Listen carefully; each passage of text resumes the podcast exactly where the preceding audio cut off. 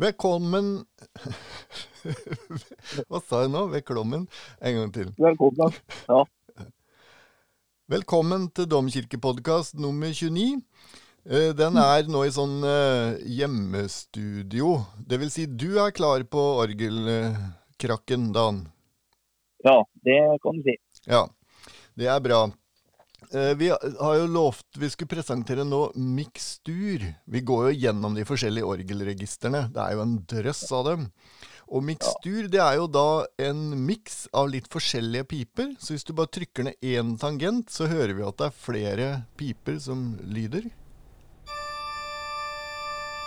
Og hvis du nå spiller den kjenningsmelodien vår fra kantate 29 med bare mikstur, hvordan høres det ut da?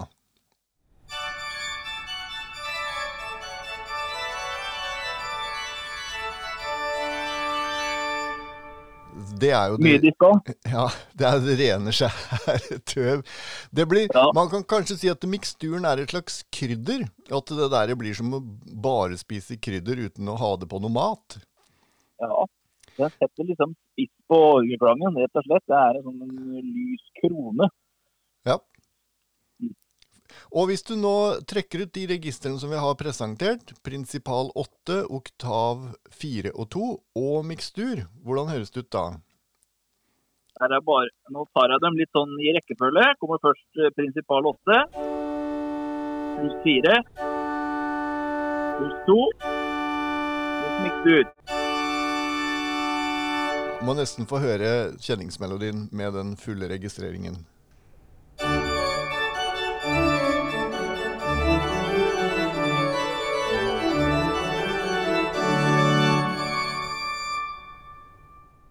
Yes. Omtrent sånn. Der har vi det, vet du. Det er jo Jeg nevnte jo sist at vi da hadde liksom den vanlige orgelklangen, men dette er jo kanskje enda mer typisk. Sånn som vi hører det på en del eh, ja, kjente, mest kjente Bach-preludiene, f.eks. Starten, Ja starten av D-moll-toccataen. Skal du bare ta første takten?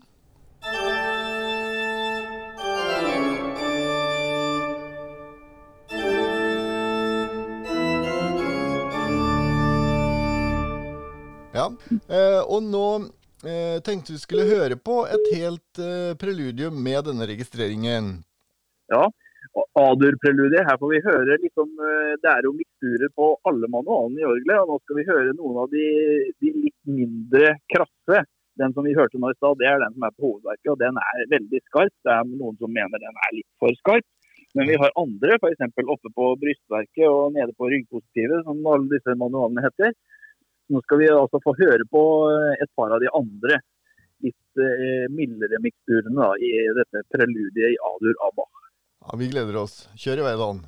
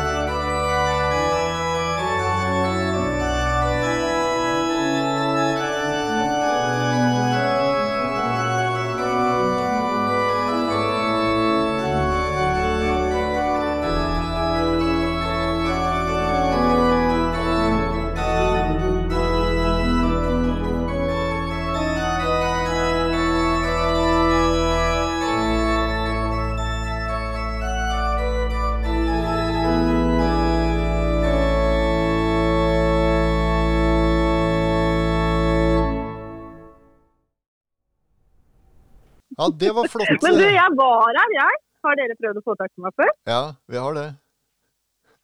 Så bra. Ja. Men nå er du her. Hjertelig velkommen, Kari. Takk skal du ha. Eh, nå hørte du eh, preludium i A-dur av Johan Sebastian Bach. Og det er jo da valgt særlig med tanke på at du er gjest i dag, for du har sagt at du liker Bach. Ja, jeg gjør det. Mm. All, all mulig musikk av Bach, eller? Ja, det er jo en stor katalog, så jeg kan vel ikke skryte på meg at jeg har hørt igjennom det hele, nei. Nei. Men uh, jeg er glad i Bach, og jeg har prøvd å tenke etter hvorfor jeg liker det så godt. Uh, jeg liker jo veldig godt uh, en del av kantatene hans, ikke sant? som jeg jo bruker som sånn eh, trøstemusikk når livet går litt imot meg. Ja. Så liker jeg å sette på i bilen hjem fra et møte hvor jeg kanskje ikke syns det har gått så bra, eller noe. Eh, kom, Jesu, Jesu, kom, for eksempel. Ja. Fordi, og det er et eller annet med tonespråket hans, som, eller i den musikken som er tilskrevet Bach, som, eh, som rører ved meg, kjenner jeg, og som gjør noe godt for meg i mitt liv. Så er det nok ikke så ofte at jeg setter på preludium i A-dur når jeg er veldig glad. Da blir det fort noe annet. Ja. Noe litt mer moderne, kanskje. skal sies. Men sånn som i kirken, øh, øh, som både preludium og postludium og den type ting, så er jeg veldig glad i musikken til Bach. Og jeg, har, liksom, jeg er jo, jeg pleier å si at jeg kommer fra et øh, delvis møblert hjem. Så det var ikke sånn at det lød klassisk musikk fra morgen til kveld. Men vi hørte mye på radio, ikke sant. Og jeg har vært en trofast P2-lytter i- i mitt voksne liv, og da har man jo fått med seg mye klassisk musikk, selv om man egentlig ikke har kanskje oppsøkt det så veldig aktivt. Da. Og jeg tror jo litt at det som vi har hørt før, det liksom setter strengene inni oss litt raskere i bevegelse og liksom Ja. berører oss på en annen måte da, enn det som er helt nytt ofte. Mm. Jeg har en veldig god kamerat som har litt samme forholdet som deg til det, som snakker om at eh, Bach er livreddende. Sånn at han, han kan redde Ja. liv. Han ser på det så, så liksom drastisk. Eh, Ja. du, og det, du som snakker nå, du heter Kari Mangerud Alsvåg. Jeg har ikke presentert det ordentlig. Og du er ny domprost i, hos oss, i, i hele domprostiet, da. Men, men eh, vi tenker mm. jo at du hører litt spesielt til domkirken. Jeg gjør det. Mm. og Mhm. ny domprost som liker Bach, det kan vi like også, det, Dan? Absolutt. Så bra. det er godt å høre. Mm. Det, det, vår forgjenger, Guttorm Ilebekk, han eh, hadde også pasjonert forhold til eh, Bach. Han har jo eh, valgt å avbilde seg selv med Bachs motetter. Så det henger bilde på Ja, org, orgelveggen, der det også skal henge bilde Ja. av Dan og meg etter hvert. da. Jeg tror ikke Ja. vi kommer til å avbilde oss selv med Eller kommer du til å avbilde deg selv med en Bach-note, Dan? Nei, kanskje ikke det. det er, eh, nå har jo Guttorm Midbekk allerede gjort det, så da kan jeg finne på noe annet, syns jeg. For ikke å kopiere for mye, selv om Bach er jo den sentrale kirkemusikkomponisten i, i, i Europa, i hvert fall. Ja. Ja. Nei, jeg fisker jo stadig litt etter dette, Dan, for at du er jo litt utypisk på der at du er ikke den av organistene som spiller mest Bach. Nei, det har jeg lagt merke til, så dette er jeg spent på å høre. Sandra. Ja da. ja. Nei, det ble stille. Jo. Du har ingen Nei, det har vært, det har vært mye bak opp gjennom åra, men, eh, men jeg har blitt glad i så mye annet òg. Og alle spiller jo bak. tenker jeg. Så da, for, å, for å lage litt variasjon, så er det greit å, å ta noe annet. For bak, det får man høre i kirken uansett hvor man går. Bra. Eh, Denne podkasten til eh, Dan og meg, og Jan Henrik Ilebekk mm. pleier også å være med, men han har meldt litt forfall i dag. Det er jo sånn at vi starter i det nære på orgelgalleriet i, i domkirken. Og Nettopp. snakker om eh, musikken hos oss i kirken. Og så ser vi hvilken eh, relevans og det kan ha liksom for lenger ut, da, både nasjonalt og internasjonalt.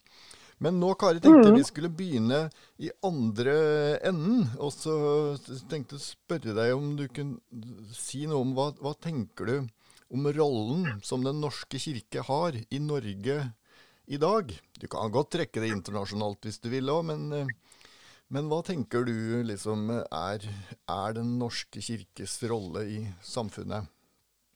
Ja, knytta opp mot kirkemusikken, eller sånn helt generelt? Ja, det kan du i grunnen velge. Ehm, jeg håpet jo på sett og vis at eh, det generelle også altså Sånn som da når jeg ser det, da, så er jo kirkemusikken er jo en, en del av alt, kan du si. Men, eh, Ja, ja. men Mhm, egentlig Ja, hva tenker du om det? Har kirken en rolle utenfor kirkemusikken da, eller? Eller åssen ser, ser du på det? Eh, og nå er det sikkert stor fare for å si noe feil, da. På en måte, her er det vel et fasitsvar, antar jeg. Nei, Som dere har grubla ut nei, nei ta, stor, ta, Nei, det er et stort spørsmål. Ja, det er et veldig stort spørsmål da, hva som er Den norske kirkes rolle i samfunnet. Jeg tenker Den har jo flere, flere roller. For veldig mange mennesker så er jo Kirken en ledsager i, i ved de store overgangene i livet, ikke sant? som handler om både fødsel med dåp og konfirmasjon og vigsel og gravferd.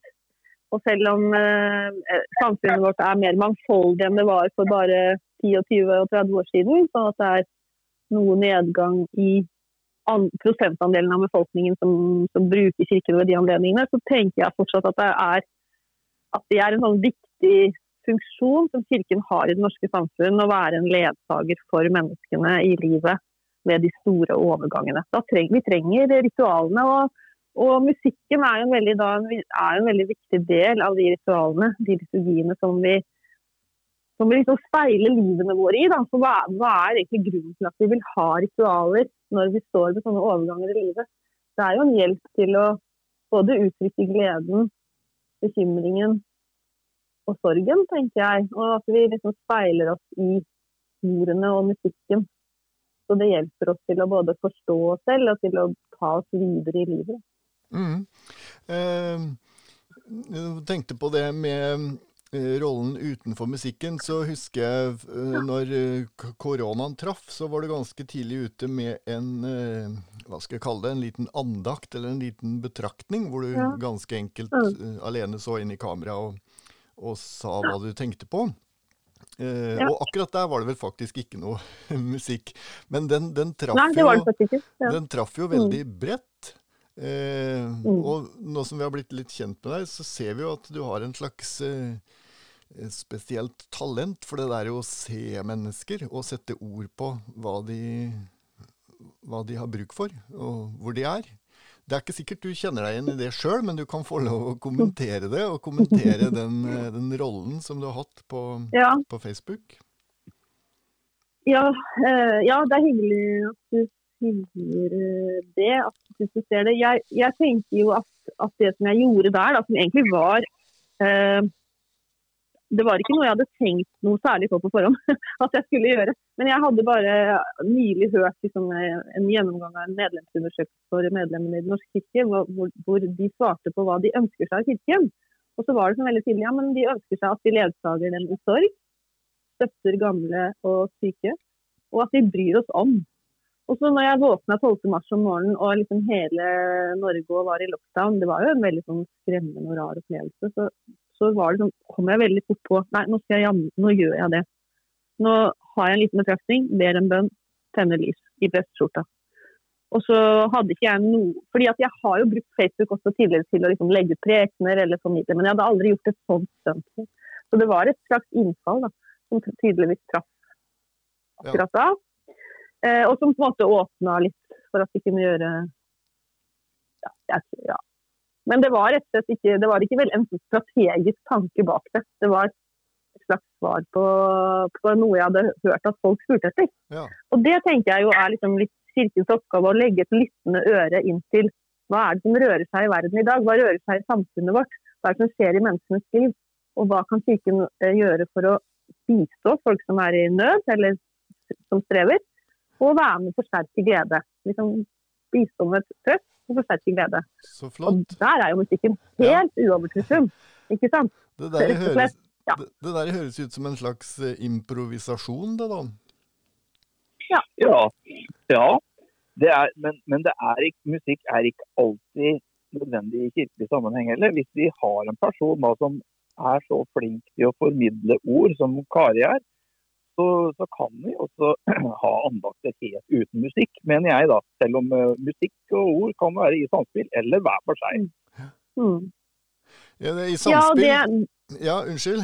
Eh, jeg skulle bare Nei, si at eh, tenker- i, i samspill så er det jo i, i kormusikken, da. Så det er jo det spesielle med det du nevnte, Kari, at du setter spesielt pris på f.eks. Kom Jesu kom av Bach, eller, mm. eller salmer for den sakens skyld. Det er, jo, det er jo spesielt for kormusikken det at vi mm, blander, altså mikser tekst og Mhm, musikk.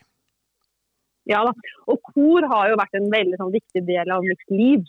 Jeg har jo sunget i kor alt liksom, fra jeg var liten, og så har jeg faktisk dirigert kor fra jeg var 16 år og til jeg var eh, 42.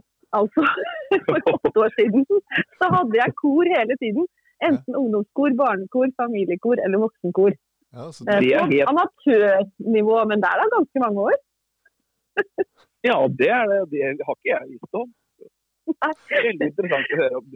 Nei, det tror jeg ikke jeg Jeg visste slutta når jeg begynte som Nei, jeg slutta når jeg begynte som prost, for da hadde jeg liksom ikke tid lenger. Men jeg har fått tatt litt konfirmantkor i, i Sarpsborg, da. Sammen med, med salige Wilhelm og Karl Andreas litt av og til. Mm. Så kor er veldig viktig for meg. Jeg tenker jo også det at den kombinasjonen av ord og musikk er viktig for mange av oss. Og jeg husker jeg diskut, ikke diskuterte, men jeg spurte en gang eh, Karl Andreas i, i Sarpsborg hva for han snakka om kirkemusikk, liksom, at han syntes vi skulle bruke kirkemusikk i kirken. Ja, men hva er kirkemusikk? Så må jeg spørre dere om det. Hva er egentlig kirkemusikk? Ja, der, eh, der tok det oss litt på fersken, for det er det vi pleier å spørre gjestene våre om, så vi skal slippe å svare selv. Så, så, så det er jo mm, Nei, jeg vet ikke om jeg våger meg på noe svar der. Altså, jeg tror bare får henvise til biskopen, da, som sier at all musikk som fremføres i kirken, er eh, kirkemusikk. Så har du Ja, det ligner på det har du noen ytterligere kommentarer, Dan? Nei, det er jo sånn vi ofte har eh, tenkt, eh, vi kantorer nå, at vi har hatt en veldig vid definisjon på hva som er kirkemusikk. Da, og Det ligger jo veldig tett opp til det som biskopen sier Mm. i utgangspunktet. Jeg beklager at vi Ja, prater, fordi- i, jeg beklager at vi prater i munnen på hverandre hele tiden.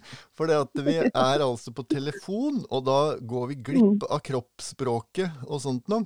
Men eh, jeg håper alle hører at eh, vi er i, i godt humør og ved godt mot. Men uh, det er altså litt grann komplisert det her med å få gitt ordet fra den ene til den andre, da. Det jeg tenkte på nå, Kari, var For du var inne på at du hadde dirigert kor i store deler av ditt liv. Som var jo mm. litt eh, morsom opplysning, for Dan og meg i hvert fall. Og sikkert mange av de som hører på podkasten også. Eh, og så vet jeg jo at du spiller eh, piano. Eh, Du hadde jo en flott Ja. opptreden sammen med Hege i Bispegården en gang, som jeg husker at dere var ekstremt nervøse fordi da når jeg var der. Vi prøvde å se så hyggelig, hyggelig ut vi kunne, men eh, jeg vet ikke om det hjalp. Og så, og så sang du jo på eh, innsettelsen din, altså sang jo liturgisk, da. Mm, den der Ja. samlingsbønnen. Og jeg tenkte også på nå så Hege Fagermoen, som ble innsatt som sogneprest i Glemmen sist eh, søndag, hun sang også i, i koret da.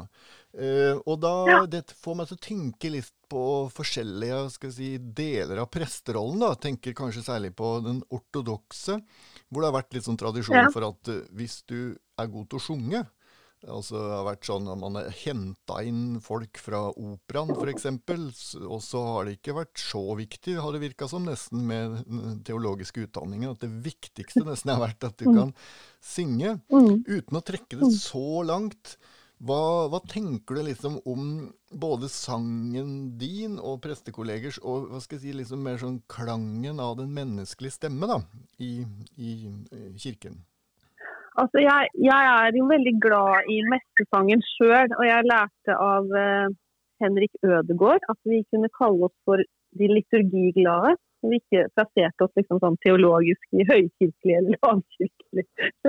For det ofte blir kombinert med liksom andre holdninger i etiske spørsmål òg. Men, men jeg er jo veldig glad i liturgien, og veldig glad i den sungne liturgien. Um, jeg blir jo hvis, for å være litt personlig, da, så blir jeg jo lett litt nervøs når jeg skal synge. fordi eh, jeg har ikke sånn enorm tillit til at jeg synger helt rent.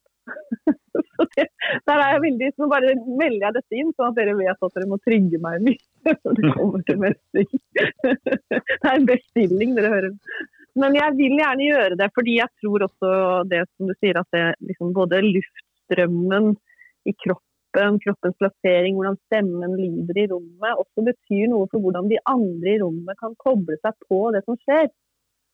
Og da å kunne veksle mellom å synge eller messe da, og lese, det tror jeg også skaper et, et, eh, et større liksom, rom for respons fra de som er, er i rommet. Mm. Eh, så tenker jo jeg at det er greit at det ikke er et krav for å bli prest at man har så og så god stemme, eller sånn og sånn. Men, men jeg har hatt før stor glede av litt sangundervisning. ikke sant? Sånn at man kan få nok trygghet da, til å gjøre det. For jeg jeg syns det er en viktig del av måten vi feirer gudstjenestene på i vår kirke, at vi møter. Mm. Du pleier å være god til å få folk til å senke skuldra, Dan. Har du noen eh, tanker om det Kari sier nå? Nei, altså det er, jo, det er jo lov til å synge litt feil innimellom òg, for en prest som messer. Er, jeg, tror det er større toleranse for en uh, prest som synger litt feil, enn en solist som er uh, profesjonell sanger i en konsert eller noe sånt. Og, det, og av det jeg har hørt av deg hittil, Kari, så jo, har du ingenting å frykte, for å si det sånn. Jeg syns du synger både sikkert og rent. Jeg, ja, det er veldig hyggelig. Takk, det var godt svar. Men så tenker jeg som du, jeg sier ofte det før vi begynner gudstjenesten, at nå må vi huske sammen at dette er ikke en forestilling, men dette er et eh, arbeid vi gjør sammen. Liturgi betyr folkets arbeid. Og vi skal skape og være med og feire denne gudstjenesten sammen. Og da kan det ikke være sånn konsertkrav til det som skal skje der. Det er jeg veldig opptatt av. Helt enig. Så jeg husker på det sjøl òg. Mm. Men gjelder ikke det litt eh, sånn eh, mental trening på konserter også, da? At hvis du er eh, ikke Altså hvis du går i den fella at du blir redd for å gjøre feil, så gjør du feil. Så det handler liksom ja. om å gå med den innstillingen at du tillater deg selv å være menneskelig og gjøre noen feil? Ja da. Det er en vonde sirkel for alle utøvende musikere. Det der med at man er så nervøs for å gjøre feil at man begynner å gjøre det. Så det, det, det tror jeg alle som er musikere kjenner på veldig, det der. Mm. Mm. Du, jeg tenkte på det, Kari. Du er jo domprost. Eh, det kan hende at mange ikke vet hva det er. Og det innsteget som jeg pleier å ta da, var når jeg blei domorganist selv. Så trodde jeg at biskopen var prest i domkirka. Og det er han jo ja. ikke. og så trodde jeg dompresten var det. Det er jo i og for seg riktig, men, men du ja. har jo også mange andre oppgaver. Hva, ja. hva, er det å være en domprost, og, og, hva tenker du om din rolle som domprost? Mm. Altså, Å være prost da, er jo å være eh, biskopens nærmeste medarbeider i prostiet. Og Biskopen eh, visiterer jo menighetene ca. hvert tiende år og er med på en sånn analyse av det som skjer i menigheten og gir noen utfordringer til hvordan, hvilken retning arbeidet bør gå i de neste ti årene. Og Prosten har som oppgave å holde det varmt gjennom de ti årene. Og være med på å være en faglig, strategisk, åndelig leder for alle i kirken. Både ansatte og, og andre som arbeider for kirken. da, uten og så er prosten arbeidsgiver for prestene, og, og, har liksom den daglige eh, oppfølgingen av prestene som arbeidsgiver. Og så kommer liksom det med dom i tillegg, eller dom, domprost i tillegg. Og det er jo at domprosten er biskopens faste vikar. Eh, så hvis eh, biskopen eh, blir indisponert på et eller annet vis fra å utøve sine oppgaver, så er det domprosten som går inn og gjør det. Mm. Eh, så er det jo en sogneprest i domkirken, ikke sant? Som, som, er den som, eller som er den som sitter i menighetsrådet for domkirke, Fredrikstad domkirke sogn osv. Men min tjeneste er også ut, både ut fra utlysning og arbeidsbeskrivelse, da, tjenesteordning, knytta opp til domkirken. Mm. Og da er, da mm. er, du en slags leder uh... Ja, på to måter. Det ene er at jeg sitter i fellesrådet som liksom, uh, representant for de vigslede, der. Og det, mm. Fellesrådet er jo den som, hvor alle dere andre er ansatt, som ikke er ansatt uh, på bispedømmerådsnivå. Så gjennom det har jeg del i arbeidsgiveriet for dere andre. Men så er det også vesentlig at prosten har en, en lederrolle i den forstand at man da er, er liksom biskopens person i prostiet mellom visitatene. Og utøver da faglig, strategisk, åndelig ledelse uh, for alle. Mm. Har du noen filosofi? Lederfilosofi? Ja, jeg har det. Eh, når det gjelder eh, ledelsen, det som handler om personalledelse, som jeg bedriver overfor prestene, så er jeg jo opptatt av at ledelse er individuell. Og at som personalleder så gjelder det å kjenne folka sine og kunne veilede på en god måte. Og så er det jo, har jeg liksom tre ord som har vært viktige for meg, som jeg pleier å hente fram når jeg, skal, liksom, når jeg blir usikker på hva er riktig i denne sammenheng. At jeg vil lede mine medarbeidere med respekt. Jeg vil gi dem frihet. Og jeg vil eh, være glad i dem. Vise omsorg for dem. Og så kan dette slå ut på ulike vis, ikke sant? Eh, eller ha ulike uttrykk, da. Men det er liksom respekt, frihet, omsorg er sånn kjerneord i min personalledelse. Ja. Ja, flott. Gjelder- Ja, fl- flott. Har du Ja. lyst til å kommentere, Dan? Har du noen tanker om hva en, hva en god Du har jo jobba noen år nå. Har du noen tanker om hva en god leder er for noe? Ja. Nei, Det er vel egentlig ikke noe fasitsvar på, tror jeg. Det, det å være leder, det er en vanskelig oppgave. Og jeg tenker særlig i kirken, som er såpass komplisert organisert. Da. Vi har veldig mange ledere i kirken. Jeg har tenkt over mange ganger at eh, i den situasjonen jeg har, så har jeg, jeg har daglig leder, så har vi flere kirkeverger. Og så har vi prestene, da, som er på en måte er en slags, skal være en slags åndelig leder. Og vi har tre prester i domkirken. Men Jeg er så glad Tor Erik, for at vi to ble enige om at vi skulle være sideordnede kantorstillinger, og at jeg da ikke fikk en kantorleder i tillegg. Det blir veldig mye ledere. Så, Ja. så, og da er det fort gjort å gå, å gå seg vill og begynne å, å komme i klammeri med hverandre innbyrdes også. Men jeg tenker på de, for alle de lederne som skal, det ene skal lede det ene, og annet skal lede det andre. Og det gjør jo at samarbeid kan bli vanskelig hvis man ikke er, har, har veldig tunga rett i munnen. Ja. Men jeg tenker på det der med frihet eh, er viktig eh, altså når det funker som best, da. Når folk gjør jobben sin. Eh, så, jeg, for, for, så for meg betyr det mye. Og jeg tenker også på det sånn i forhold til eh, stress og overarbeidethet. Jeg tror jo det, hvis det funker sånn at folk får frihet til å gjøre det de er best på, og det de brenner for, så tror jeg terskelen for å bli overarbeidet er mye høyere enn Nei, lavere, eller hvordan det nå blir. Ja. Enn en, en hvis, en hvis, man, eh, hvis man blir satt til oppgaver ut fra bare et sånn skjematisk eh, Som ikke tar hensyn til det personlige, da. Som du var inne på, mm. Kari. Så det er jeg veldig glad for å høre, at du tenker at det er personlig eh, forskjellig fra person Ja. til person. det er forskjell på å lede folk å være, arbe altså være arbeidsgiver. Da, leder for folk som skal produsere deler til en bil f.eks.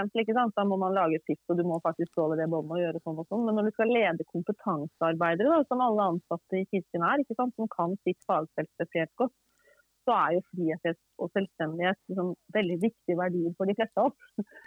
Så da må man klare å finne den balansen mellom det her er det vi skal utføre, disse oppgavene må vi få gjort, og så må man få den friheten til å utføre det sånn som man best får det til da, og synes det blir bra. Så det er jo en balansegang hele tiden. Du, litt, til, litt tilbake igjen til, eh, til altså du, du fortalte om eh, karrieren som korleder. Og, og det, når, når, vi ble kjent, så var du jo rådgiver på bispedømmekontoret.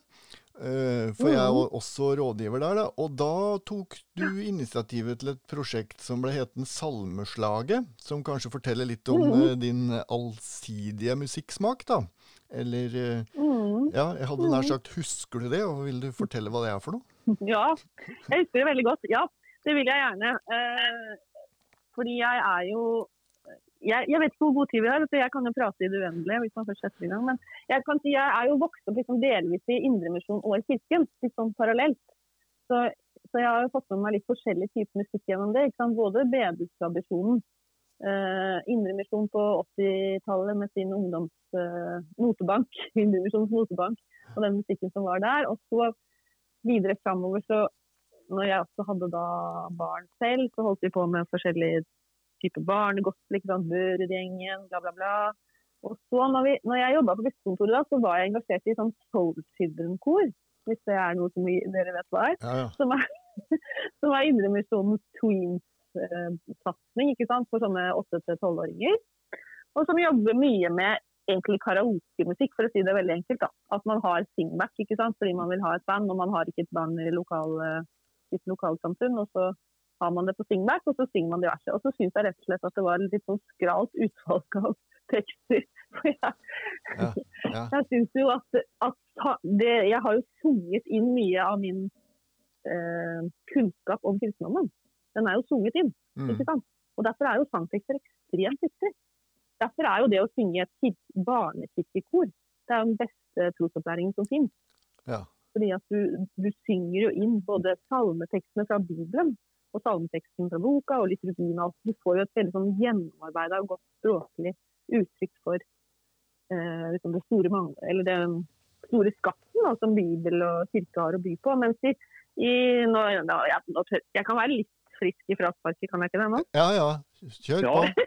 Men jeg syns at mye av det som blir presentert for barn og unge innenfor, liksom, ja, innenfor barnegospel og, og soul children, det er, det er for tynt. Det er ikke til å leve på, og ikke til å dø på, i hvert fall. Ikke sant? Så Derfor så var liksom mitt engasjement at de må kunne synge de må få synge salmetekstene. Og de må lære dem med den melodien de har. At når de kommer i en begravelse, så kan de faktisk synge den salmen. Men de har hørt den med eh, et band eller en type musikk til som gjør at de liksom lettere finner veien inn til deres hjerter. For det tror jeg liksom på at som jeg sa i stad, det vi har hørt før, eller det vi omgir oss med av musikk til vanlig, det, liksom, det har en lettere tilgang til strengene inni oss. da. Ja. Så da Og- lagde vi jo et prosjekt hvor liksom salmen skulle gå, notelinja skulle være akkurat sånn den sto i salmeboka, men innpakningen er liksom alt fra ja, kanskje ikke så stort spekter. Det er litt sånn i rock-pop-sjangeren. si da. Ja, Dette, Dette peker jo tilbake på det vi om, uh, prata om i starten, Kari, med, med kirkens rolle og musikken som en del av nesten alt, for å si det sånn, da. Eh, Så, så dette Ja. er jo et, et Mm. tydelig eksempel på det. Jeg fikk en Mm. god del pepper av noen kolleger eh, for det der, eh, Dan. Jeg vet ikke om du har hørt det, men det var noen som ikke syntes noe særlig om det. Og det Helga Johanne Størdal var også på bispedømmekontoret da, så vi argumenterte veldig for bl.a. det der med at både mm, teksten og melodilinjen var helt uforandret, mens kompet Ja. da var helt annerledes. Og en av de Ja. tøffeste, syns jeg, som kanskje fikk mest kritikk òg, var Ole Børus versjon av eh, Mm. Påskemorgen, som jeg syns Ja. er skikkelig bra. Så der, der får du ordentlig bakoversveis. Og, og der, var, der var det litt forskjellige meninger blant kollegene våre om uh, Lindemann som snudde seg i grava osv. Så, videre. så så Ja. Uh, Det tror jeg på. Det mm. nådde ikke meg, vet du. Nei, akkurat du slapp unna, du. Jeg gjorde det. Eh, Men du, nå har vi Men jeg vet jo at det blir brukt. Både blant konfirmanter og ellers blir det brukt, ikke sant. Ja, Fordi og- det, og det beste også som finnes er levende musikk, men man har ikke alltid tilgang til det. Nei, og jeg har også Mm. hørt det der at uh, det har funka på den måten som jeg syns var viktig, at man skulle lære salmene sånn at jeg har hørt om folk som har vært på konfirmantleir, og så da uh, kjørt salmeslaget, og så har de hørt sånn i pausene og når de sparker fotball og sånt, at noen nynner på de melodiene, da. Sånn at de, de Mm. fikk inn salmeskatten på en litt uh, annerledes måte, da. Mm. Men du, Ja. vi nærmer oss liksom slutten eh, for uh, hvor lenge vi Mm. pleier å holde på. Og mm, før Dan slutter med et Bach-stykke til, så tenkte jeg bare du kunne få uh, anledning til, eller hvis du har lyst til, bare gi noen litt sånn musikalske anbefalinger i den gata vi var nå, kanskje? Litt mer sånn jazz, pop, rock-delen av Ja, ikke sant? Ja, det kan jeg høre. Men jeg har også veldig lyst til å bare si For det var så stort spørsmål du stilte meg først om hva er kirken i samfunnet i dag. Så jeg må bare få si at jeg tror også kirken har en oppgave med å være en slags profetisk røst i samfunnet. I å, å være med og liksom holde fokus på hva som er viktig. Bygge broer, holde samfunnet sammen, forhindre polarisering. Eh, forkynne ordene som Jesus sa. Det du vil at andre skal gjøre med seg, skal du gjøre med dem. Mm. Ja, så skal jeg komme med noe musikalsk. Så bra. Ja. Jeg kan prøve, i hvert fall. Jeg syns det er veldig vanskelig. Vet du. Jeg er sånn som jeg oppdager noe, så hører jeg det i hjel liksom, om igjen og om igjen. om igjen. Men jeg har hørt veldig mye på opp igjennom da, på disse jazz-fusion-gutta. Uh, Dave Grusin, Pat Martini, ja, og den type musikk er jeg veldig glad i, og vender tilbake til hele tiden, egentlig. Eh, men så, jeg, så hører jeg mye annet, eh, annen musikk også. Jeg kan uh, fryde meg over å høre til liksom Bruno Mars, og jeg kan høre på veldig mye forskjellig. Så jeg syns det er veldig vanskelig å komme med en anbefaling, da. Ja, nei, men det var akkurat det jeg var ute etter. Har du, du er jo Ja. også en både god jazzmusiker, Dan, og, og har veldig allsidig musikksmak. Er det, er det noen av de navnene der du har bitt deg merke i opp gjennom tida, eller? Nei det, nei, det er det ikke. Så her har jeg en vei å gå, skjønner jeg. Det, det er jo bare å logge seg inn på Spotify og høre på det. Altså. Ja, ja, ja. Mm. Mm. Du skjønner det at jeg, Dave Brutin eh, er jo pianist og eh, ga ut en fantastisk juleplate. Det må ha vært i 89, tenker jeg, eller noe sånt. Som jeg ble gjort oppmerksom på da. Den, har jeg, den ruller og går fortsatt. så vi kommer dit. Det er helt fantastisk nydelig musikk. Ja. Og så har jeg også, liker jeg jo også disse eh, gamle amerikanske jazzslagerne. Uh, som jeg også kan kose meg mye med. Eh, så ja, så det, det er på en måte min go to-musikk. Det er liksom uh, jazzkursen eller den herre uh, Nå står det helt stille på meg med navn, men han trompetisten, gi meg- hjelp meg. Wynton Marsalis? Nei. Nei, nei, nei. nei. Ja, Miles Davis? Ja, det kommer. Miles Davis var det jeg tenkte på, ja. Ja, Hans ja. ja. like, Ja, ja. ikke sant? Mm. Og så, og så eh, er det storband. Det er liksom, det syns jeg er helt fabulous. Hvis jeg er glad og har det gøy, så Eller, storband med en god crooner, da er det gøy. eller Bach, kom så kom. Eller Bach. Så, så du har, du har ganske, ja, ganske allsidig smak der, da. Og det tror jeg vel er Mm. eh, typisk for eh, mange i dag, mennesket Mm. av i dag, at de hører på mange ting parallelt, da. Eh, Ja. ja. Vi har tilgang til så mye, vet du. Mm. Ja.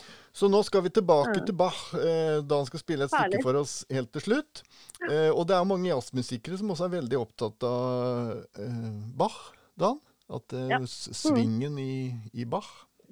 Ja, det er Ja, liksom ja, det, er den rytmiske drivet som ofte er hos Bach. da. Og så er det noe med de ikke sant, melodistemmene som heter det kontrapunktisk. At det liksom går og løper hit og dit. Og det er jo litt av den improvisasjonen i jazzen òg. Så det har jeg tenkt på at kanskje det er noe av det som appellerer til meg. Ja. Ja, det er jo, det er jo altså en um, kontinuerlig tradisjon for, tradi for improvisasjon i, i kirkemusikken.